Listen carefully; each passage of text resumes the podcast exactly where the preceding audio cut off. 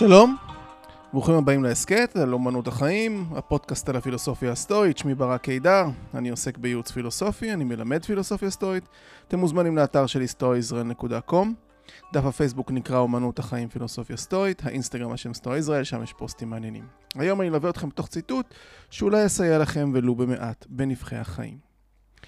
הפרק היום אנחנו נדבר קצת על היבט מסוים בטבע האדם, על המקורות הפילוסופיים והאתיקה שיוצאת מתוך התפיסה הזאת. כלומר, אנחנו נתחיל בתיאוריה, תיאוריה פילוסופית, ונתקדם לפרקטיקה אה, משם, כמו כל דבר בפילוסופיה הסטואית. אבל מאחר ואני גם אוהב אנקדוטות, אנקדוטות היסטוריות, כפי ששמתם לב בכל מיני אה, פרקים, אז אנחנו נתחיל באחת כזאת שקשורה לקריסיפוס, ראש האסכולה השלישי של הפילוסופיה הסטואית, ומי שלמעשה בנה אותה. זנון מקיטיון היה זה שהתחיל את הפילוסופיה, את האסכולה הסטואית, המשיך אותו בחור בשם קליאנטס, התלמיד החרוץ והמוצלח ביותר של קליאנטס, ומי שהחליף אותו היה קריסיפוס השלישי. הוא גם בנה את האסכולה מבחינת המשנה הסדורה שלה. הוא סידר אותה יפה, הוא כתב למעלה מ-700 ספרים, שאף אחד מהם לא שרד, וידעו עלינו, לנו עליהם רק מפרגמנטים אה, ומציטוטים שאחרים ציטטו בעולם העתיק. והאנקדוטה שקשורה אליו היא, היא בקשר למוות שלו, איך הוא מת. קריסיפוס מת במהלך האולימפיאדה ה-143, שזה היה בין 204 ל-208 לפני הספירה איפשהו. הוא היה בן 73 אז. דיוגנס לארטיוס שכתב על הפילוסופים, הוא נותן שני תיאורים שונים למוות של אה, קריסיפוס. הראשון, שהוא חטף איזושהי סחרחורת לאחר שהוא שתה יין לא מדולל במשתה, ומת זמן קצר לאחר מכן. בתיאור השני, הוא ראה חמור, אוכל כמה תאנים, והוא צעק, עכשיו תנו לחרמון לשתות יין טהור כדי לשטוף את התאנים. ואז הוא מת בהתקף צחוק.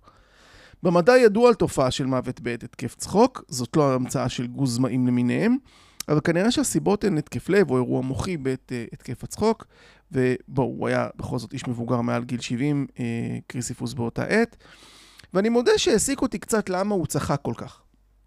אם, אי אפשר לדעת אם הסיפור הזה נכון, דרך אגב, אז גם לא משנה כל כך. ניסיתי להבין, אולי זה קשור לזה, לתאנים. אולי זה היה פרי שנחשב לי יקר, והוא ראה חמור אוכל מהפרי, אבל הוא היה, והוא עדיין מאוד נפוץ בכל האזור, יוון, איטליה, ישראל, כל האזור התיכון, התאנים זה דבר נפוץ. אז אולי הוא צחק כל כך בגלל שקריסיפוס אכל בעצמו תאנים ושתה יין וראה חמור נוהג באותו אופן, וזה הצחיק אותו שהם לא שונים מהבחינה הזאתי. אף אחד לא יודע באמת, אבל האנקדוטה הזאת מתחברת לי לפרק היום גם בהקשר של התאנים, וגם לגבי הטבע שלנו כבני אדם. תאנים, דרך אגב, מופיעים בכל מיני מקומות, אה, גם אצל אה, אפיקטטוס וגם אצל מרקוס אורליוס וגם אצל סנקה. אה, אצל מרקוס אורליוס, למשל, כשהוא אומר שמי שמצפה שתאנים יהיו בחורף, אז הוא משוגע. זאת אומרת, אל תצפה ממשהו שהוא לא טבעי שיקרה. אל תצפה שבעולם יקרו דברים שהם לא אמורים לקרות. אמ, אבל זה כאנקדוטה נשים אותה בצד. ואת האסכולה הסטואית, אמ, אפשר לחלק, מחלקים אותם באקדמיה לשלוש תקופות, בגסות בערך. ביוון העתיקה, העת בה אה, האסכולה הייתה קרובה לצינים, היא הייתה קצת יותר קשוחה. התקופה האמצעית, אה, ואז המרכז ההגותי נדד גם מאתונה לאזור של רוד, לרודוס, וראשי האסכולה התחברו גם עם האצולה הרומית באותה עת, כי רומא כבר כבשה אה, אחרי התקופה ההלניסטית, והם מאוד השפיעו על רומא, על רומא, ובתקופה השלישית היא התקופה שאנחנו מדברים עליה הכי הרבה, שזה סניקה, אפיקטטוס ומרקוס אורליוס. בתקופה האמצעית נתנו, אה, נכנסו גם קצת השפעות מאסכולות נוספות, אה, כמו מהאסכולה הפריפתטית, שהיא מביתו של אריסטו. אני מציין את זה כי היא תוזכר קצת היום בפרק. שני המשפיעים הגדולים בתקופה האמצעית היו בחור בשם פנאיטיוס, והוא היה מרודוס, אה, בין השנים 180 לפני הספירה עד 100 לפני הספירה בערך. התלמיד שלו, פוסידוניוס, הוא נולד בסוריה. אה, הוא חי בין השנים 135 ל-50 לפני הספירה. השניים הללו מאוד השפיעו ברומא. אה, פנאיטיוס למשל היה יועצו של סקיפיו אפריקנוס, זה שהחריב את, אה, את קרתגו, הוא היה מצביא מדיני, מדינאי גדול, יש גם הרבה דברים טובים שהוא עשה כנראה בהשפעת פנייטיוס. פוסידוניוס התיישב ברודוס אחרי שהוא עשה כל מיני מסעות לימודים והתפרסם בשל החוכמה שלו, ועלו אליו לרגל, זה היה מאוד נפוץ באותה עת לעלות לרגל לאיש חכם ולשמוע ממנו הרצאות, בין היתר קיקרו. אה, וקיקרו גם התכתב איתו כידיד, אבל כל החיבורים שכתב פוסידוניוס, שום דבר לא שרד. אה, אבל הוא השפיע רבות על סנקה, ולכן אני מספר לכם עליו עכשיו, על התפיסה שלו. דרך אגב, עוד אנקדוטה קטנה, יש uh, ממצאים של, של קלף מגולגל שנמצאו ב, בעיר אה, הרקולנאום, שזה העיר שנחרבה יחד עם פומפיי באיטליה. וכנראה שנמצאו שם כמה כתבים כאלה, אבל קשה מאוד, אה, השל פוסידוניוס, אבל אני לא קראתי אותם, אני לא אה, יודע בדיוק מה כתוב שם. אבל אה, כמו שאמרתי, הוא השפיע הרבה על סנקה, ויש גם ציטוטים אצל סנקה של פוסידוניוס, אה, גם קיקרו הושפע מאוד, ויש לו ספר נפלא, סטוי לחלוטין, על החובות שהושפע מהמורה של פוסידוניוס. אה, והוא טען, אותו פוסידונוס, שככל שאנחנו נפחית את ההפעלה שלנו מרושם מסוים, ככה אנחנו נצמצם את השעבוד שלנו לפחד, לכאב, לתשוקות ולתענוגות למיניהם. את הנקודה הזאת הספציפית בפילוסופיה של פוסידונוס הדגיש הרופא גלנוס. הוא היה רופא של מרקוס אורליוס, רופא החצר, והוא עשה גם בפתולוגיות שמקורן בנפש. ופוסידונוס אמר שככל שאדם רע יותר, ככה גדולה יותר משיכתו אחר התפעלויות חיצוניות, אחרי דברים חיצוניים. מי שלמד והתחנך כמו שצריך, יודע לכבוש את הרשמים הראשוניים, וכך לא בקלות הוא נגרר אחרי כל מיני התפעלויות חיצוניות בלי תבונה. בין היתר, פוסדוניוס דן גם בטבעו של העושר, עושר בעין. מה אתם אומרים, השפעתו של העושר על אדם היא טובה לנפש או רעה לנפש? אז פוסידוניוס עשה הבחנה. את ההבחנה הזו מציין אותה סנקה. לקניין חיצוני יש השפעה מובחנת בין סיבה פועלת וסיבה ראשונה. העושר הוא סיבה הראשונה להשחתה, משום שהיא גורם לדאגות לבעליו ומחזק גם את הכוחות חסרי הבינה בנפש. כמו הפחד לאבד את הקניין, כמו משהו שמגביר את התשוקות והתענוגות והימשכות אחר התפעלויות חיצוניות נוספות. זה שיש לי זה לא אומר שאני לא רוצה עוד. אבל, פוסדניוס אמר שהעושר הוא לא מזיק בפני עצמו. הוא כן יכול להזיק לבעל נפש של טיפשים, של אנשים שלא מפעילים את התבונה שלהם. הוא יכול להזיק בשל רשעותם של אנשים גם. פנאיטיוס ופוסידוניוס אה, מהתקופה האמצעית, אה, כמו שאמרתי, של הסטואה, היו בעלי השפעה אדירה ברומא, לשנים רבות מאוד גם אחר כך, אה, כי הרומאים הפיצו בכל אירופה אחר כך את התפיסה שלהם על מה זה להיות אדם טוב, מה זה להיות אדם ראוי. ולמעלה ממאה שנים אחרי פוסידוניוס, סנקה מצטט וכותב עליו במכתב ללוקיליוס שנקרא על עושר ועל עוני, וסנקה מספר לחברו לוקיליוס על טיול שהוא עשה, והוא דימה את הטיול הזה כאילו הוא ניצל מספינת תרופה. למה הוא עשה את זה? כי הוא רצה כביכול לומר שהוא טייל ב... עם, עם בלי הרבה חפצים, בלי ציוד ובלי רכוש. כביכול טייל כמו מישהו שנטרפה הספינה והוא נותר בלי כלום. אז כך שהטיול הזה גם לימד אותו כמה דברים מיותרים יש לנו.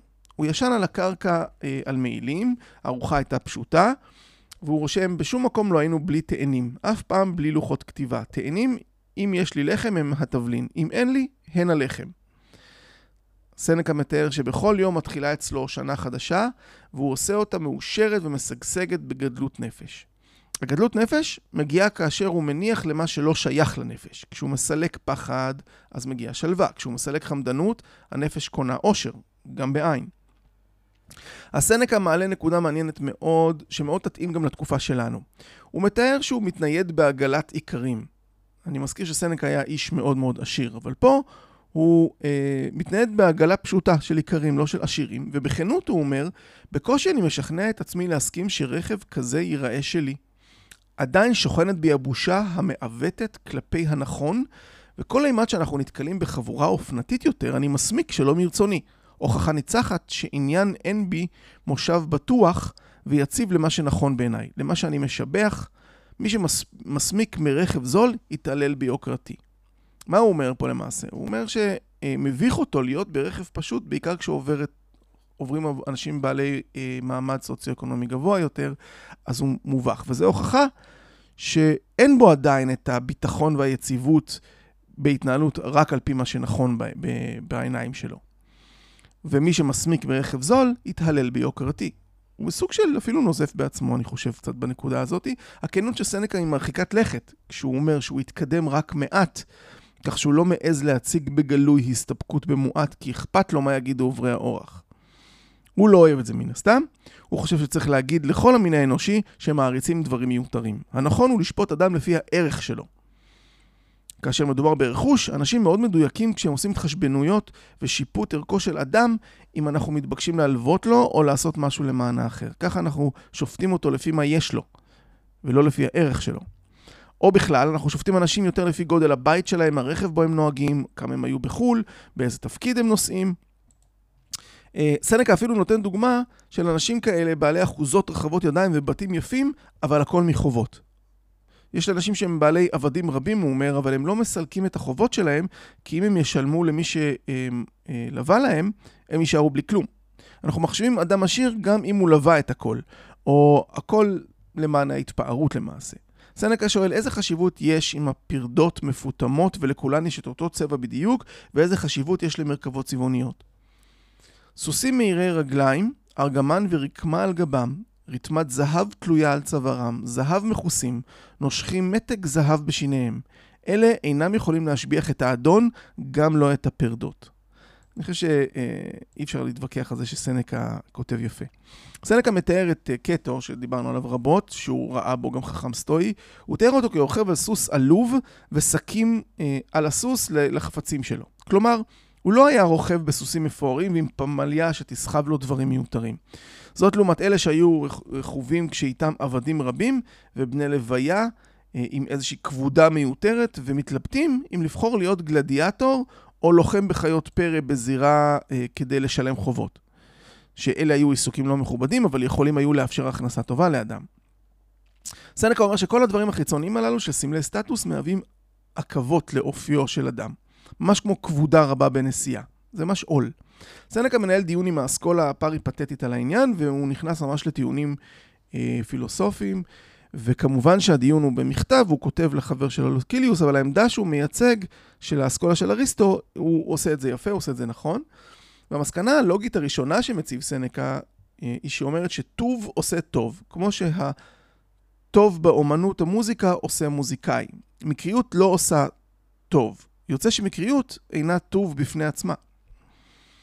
אבל האסכולה הפריפתטית שאמרה שאדם צריך שיהיה לו דברים חיצוניים למען עושרו, באלף, זאת אומרת, כדי שתהיה בן אדם מאושר, אתה צריך כמה דברים חיצוניים, ככה טענו אלה ש...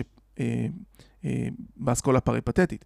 אז הם ענו שהסטואים שגו בנקודת ההנחה שלהם, כי טוב לא, לא תמיד עושה טוב. ומתארים גורמים חיצוניים כמו חליל, נבל או כלי נגינה אחר שהם טובים, אבל הם לא מה שיעשו את המוזיקה האלה טוב. אז התשובה הסטואית לכך שהם מפרשים את הטוב במוזיקה אחרת כנראה, כי לא הציוד של המוזיקאי הוא הטוב, והוא לא יעשה אדם למוזיקאי, הפריפטטים מתייחסים לציוד ולא לאומנות עצמה.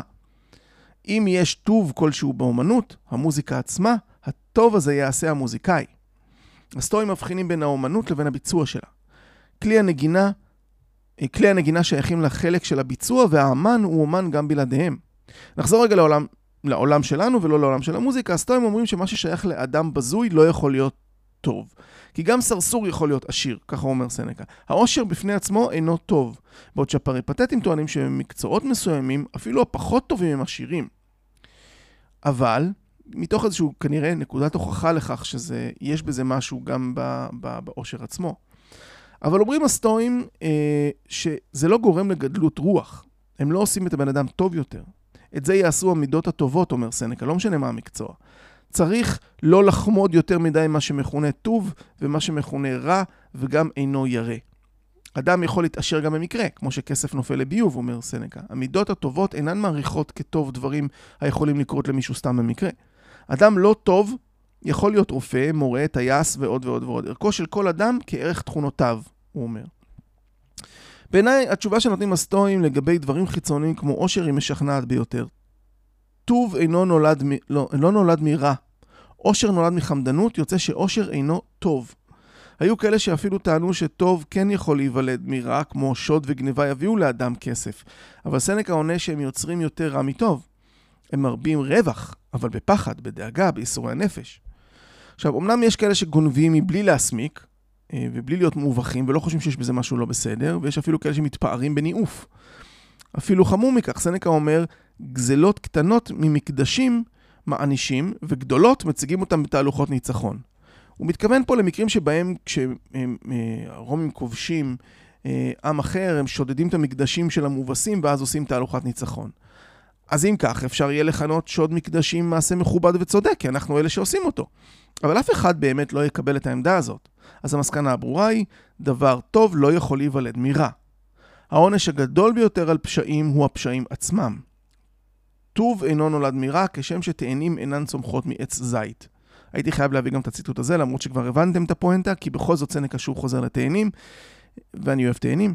אבל יותר מזה, הדוגמה הזאת באה להמחיש שהפרי הוא כמו הזרע שלו. דבר טוב, יש לו מקור טוב. המבקרים טענו שהסטואים הגדירו את העושר מהדברים המועילים. אה, כי לא שהוא רע בפני עצמו, הוא פשוט לא טוב. אבל בגלל העושר אנחנו עלולים להסתבך בדברים רעים. ולכן לא הגיוני להגיד שהוא מועיל, ככה אמרו המבקרים כנגד הסטואים. וכנגד ענו הסטואים, עושר אינו מזיק לאיש, טיפשותו של האדם מזיקה לו, או הרשעות של הזולת, בדיוק כמו שחרב לא הורגת, אלא היא הכלי של זה שהורג. וסנקה גם מרחיב ואומר שהתשובה של פוסידוניוס שהזכרתי בהתחלה היא הטובה יותר. אה, לנקודה הזאת, האם עושר הוא מועיל או לא מועיל. העושר הוא רעה כי הוא מעורר לפעולה. יש הבדל בין סיבה פועלת, שבהכרח מביאה לנזק, לבין סיבה מקדימה. לעושר יש סיבה מקדימה. הוא משלהב את הנפש, הוא מביא לגאווה, כמו הדוגמה של סנקה על המבוכה מלרכב במרכבה פשוטה. הוא מעורר קנאה, הוא פוגע בהיגיון עד כדי כך שמוניטין של עושר גורם לנו לגאווה גם אם הוא גורם לנזק. מה שהוא טוב צריך להיות נקי וללא רבב ולא אה, משחיתים את הנפש. ולא גורמים לחרדות ודאגות. הם, זה דבר משמח ומרחיב את הנפש, אבל בלי גאווה. סלקה כותב שמה שטוב יוצר ביטחון, עושר יוצר חוצפה. מה שטוב מעניק גדולה לנפש, עושר לרברבנות. רברבנות אינה אלא מראית עין כוזבת של גדולה. זה משפט יפה בעיניי, שרברבנות אינה אלא מראית עין כוזבת של גדולה. הנקודה פה היא כוזבת. מאחר והעושר בעין הוא סיבה ראשונית לפי פוסידוניוס, הוא אינו רע בפני עצמו. הוא היה כזה אם הוא היה סיבה פועלת. רק פעולות שאנחנו עושים והכוונות שמעוררות אותם הן הרעות. העושר גורר את הנפש, הוא לא מפעיל אותה. סנקה ממשיך לצטט את פוסדוניוס שאומר, מה שאינו מעניק לנפש גדולה, לא אמון, לא ביטחון, אינו טוב. עושר, בריאות טובה וכדומים להם אינם עושים דבר מאלה. יוצא שהם לא טובים. מה שאינו מעניק לנפש גדולה, לא אמון, לא ביטחון, אלא להפך יוצר רברבנות, גאווה, חוצפה, הוא רעה. דוחפים אותנו אליהם הדברים המקריים, שיוצא שאינם טובים. עכשיו, זה שפוסידוניוס אומר שמה שלא מעניק לנפש גדולה אה, ביטחון הוא לא טוב כמו עושר, אה, בריאות טובה ודברים כאלה, יוצא שהם לא טובים, הכוונה שלו זה לא טוב בפני עצמו. גם בריאות היא לא טובה בפני עצמה, בדיוק כמו עושר. כי אדם בריא יכול לעשות מעשים רעים, ואדם טוב יכול להיות חולה. ולכן, זה, אין, זה לא סיבה פועלת, אלא זה משהו שהוא לכאורה חיצוני, הבריאות שלנו. אז התנאי הראשון הוא מה מפעיל את הנפש שלי. אני צריך להיות ער לדברים שמפעילים אותי, ואולי יש בהם סיבה פועלת, ואז הם יכולים להיות רעים בפני עצמם, כמו שוד המקדשים שתיאר סנקה, ובהתאם כל עוול שאני עושה פוגע בי. בקורסים, אחד הקורסים האחרונים צחקו עליי שתמיד כשאני נותן דוגמה למשהו שמפעיל אותי, אז אני משתמש בדוגמה מפיצה שהיא מפעילה אותי, הם צודקים, זה באמת השתמשתי בדוגמה הזאת, אבל היא לא סיבה פועלת, היא סיבה ראשונית, הפיצה. הנה חזרתי לפיצה, או תאנים. זו סיבה אה, ראשונית, סיבה מקדימה, כמו שקרא לפוסידוניוס. גם עושר, הוא עלול לדרדר אותי, להסיט אותי מדרך הישר. זה שחברי מרוויח יותר ממני לא עושה אותו אדם טוב יותר. זה שאדם מרמה כדי להרוויח יותר ממני, זה אפילו עושה אותו טיפש שפוגע גם בעצמו, בעיקר בעצמו. לדברים חיצוניים לנפש אין ערך בפני עצמם, הם עלולים לדרדר אותנו. לפעמים אפשר להסתפק בתאנים. עד כאן להפעם, תודה שהאזנתם, נשתמע בפרק הבא אם ירצה הגורל. היו בטוב.